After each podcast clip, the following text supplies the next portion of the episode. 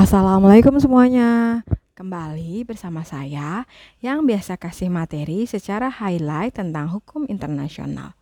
Kali ini saya akan membahas mengenai hak penentuan nasib sendiri.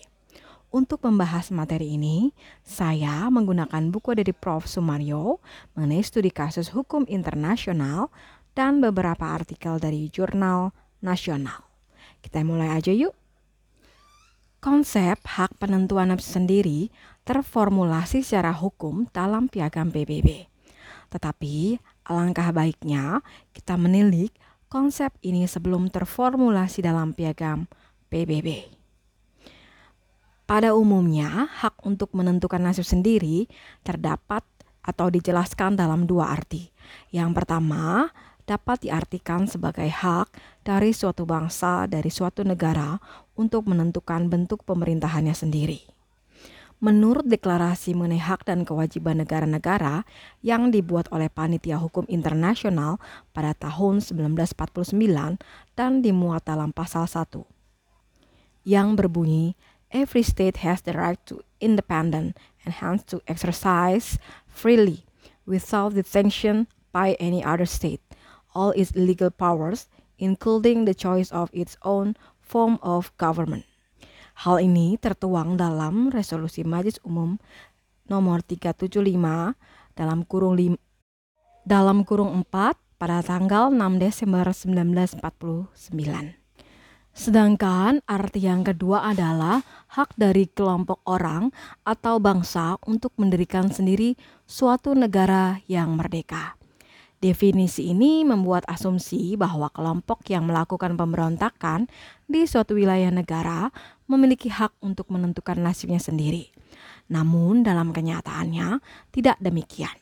Dalam prakteknya, suatu negara yang di mana wilayahnya ada kelompok yang melakukan gerakan pemberontakan atau menginginkan memisahkan diri dari negara induk diberikan suatu otonomi khusus untuk wilayah tersebut. Lihat saja masalah Aceh dan Papua, yang mana kedua wilayah tersebut diberikan otonomi khusus oleh pemerintah Indonesia. Sama halnya negara lain seperti Georgia juga melakukan hal yang sama, yaitu memberikan otonomi kepada Ossetia Selatan dan, dan Abkhazia untuk tetap mempertahankan wilayahnya yang sempat menjadi konflik antara Georgia dan Rusia atas dua wilayah tersebut yang ingin merdeka dari Georgia. Bentuk pemberian hak otonomi ini dikenal dengan istilah hak untuk menentukan nasib sendiri secara internal yang terformulasi dalam ICCPR dan ICASR yang diatur dalam pasal 1 dua kovenan internasional tersebut. Gagasan hak untuk menentukan nasib sendiri pernah diucapkan oleh Presiden Wilson dalam pidatonya di hadapan Kongres Amerika Serikat pada tanggal 8 Januari 1918 secara tidak langsung dalam 14 butir usul perdamaian dunia. Usaha awal sebelum Perang Dunia Kedua untuk memakai hak untuk menentukan nasib sendiri bagi penyelesaian suatu sengketa internasional adalah peristiwa Kepulauan Alan. Dapat disimpulkan apakah penduduk Kepulauan Alan yang berasal dari Swedia dapat memisahkan diri dari Finlandia dan menjadikan wilayah tersebut menjadi wilayah Swedia. Final kasus tersebut adalah Finlandia memberikan otonomi penuh kepada Kepulauan Island. Lahirnya PBB yang memiliki instrumen piagam PBB telah memuat hak untuk menentukan nasibnya sendiri, yaitu ada dalam pasal 1 ayat 2 piagam PBB, kemudian dalam pasal 55 piagam PBB yang merupakan kewajiban PBB, dan pasal 73 huruf E yang merupakan kewajiban penguasa administrasi atau negara penjajah suatu wilayah perlu dicatat untuk melaksanakan hak untuk penentuan nasib sendiri mekanisme harus melalui kerangka PBB, yaitu menghadirkan PBB dalam pelaksanaan HPNS dan adanya penguasa administrasi.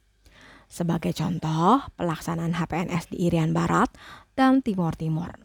Walaupun kedua wilayah tersebut pada akhirnya memilih hal yang berbeda, di mana Irian Barat memilih bergabung dengan Indonesia, tetapi Timor Timor memilih menjadi negara yang merdeka, yaitu menjadi negara Timor Leste.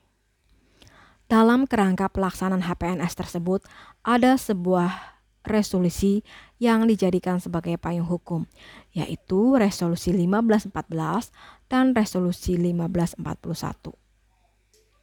Berikut adalah kasus-kasus yang bersinggungan dengan HPNS, antara lain Crimea, Kosovo, Falkland, Singapura, dan Puerto Rico.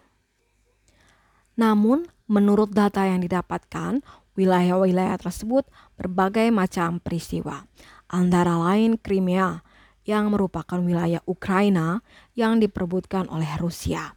Upaya penentuan nafsu sendiri yang dilakukan warga Crimea telah sesuai dengan hukum internasional, di mana hak untuk menentukan nasib sendiri merupakan prinsip di dalam hukum internasional yang dirumuskan dalam piagam PBB.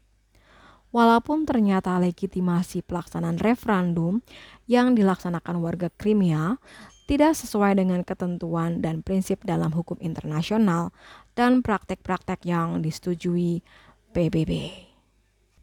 Berikut Kosovo, yang merupakan sebuah provinsi di negara bekas Yugoslavia yang pada awalnya berada di, di bawah kedaulatan Serbia. Deklarasi kemerdekaan merupakan tindakan unilateral karena tidak didukung oleh PBB. Kemudian Dewan Keamanan eh, eh, tidak menyetujui juga. Kemudian kemerdekaan Kosovo didukung oleh negara-negara barat, terutama Amerika Serikat, Inggris, dan beberapa negara Uni Eropa. Tetapi kemerdekaan Kosovo ini ditolak Rusia, Cina, beberapa negara Uni Eropa lain, Vietnam, dan beberapa negara lainnya. Kemudian saya mau membahas mengenai Falkland. Pada tanggal 12 Maret 2013, diumumkan bahwa Kepulauan Falkland merupakan bagian dari kerajaan Inggris atau teritorial seberang lautan. Hasil akhir perhitungan suara menyebutkan total suara terkumpul dengan jumlah 5, 1517 dengan rincian sebanyak 1513 memilih kolom yes, kemudian tiga suara memilih no, kemudian yang tidak setuju uh, menyatakan tidak setuju yang tiga suara dan ada suara abstain, ada tiga suara juga. Kemudian kita beralih ke Singapura. Singapura pertama kali bergabung dengan Federasi Malaysia tahun 1963. Namun pada ta pada tanggal 9 Agustus 65 memisahkan diri dengan Malaysia dan menjadi negara merdeka sekarang. Bahasan yang terakhir yaitu mengenai Puerto Rico. Spanyol memberi status otonomi pada Puerto Rico pada 1897. Namun belum berjalan setahun muncul ancaman dari Amerika Serikat yang ternyata juga menghendaki pulau tersebut untuk memperkuat kekuatan maritimnya di kawasan Karibia. Puerto Rico juga mengalami uh, referendum pertama kali tahun 1967. Hasilnya kurang lebih sama yang di mana melakukan referendum di tahun 93, 98, dan 2012. Sebagian rakyat Puerto Rico ingin diakui sebagai negara bagian Amerika Serikat daripada merdeka atau menjadi negara sendiri. Itulah hasil referendum Puerto Rico pada 11 Juni 2017 yang masih menginginkan referendum dan menjadi bagian dari Amerika Serikat.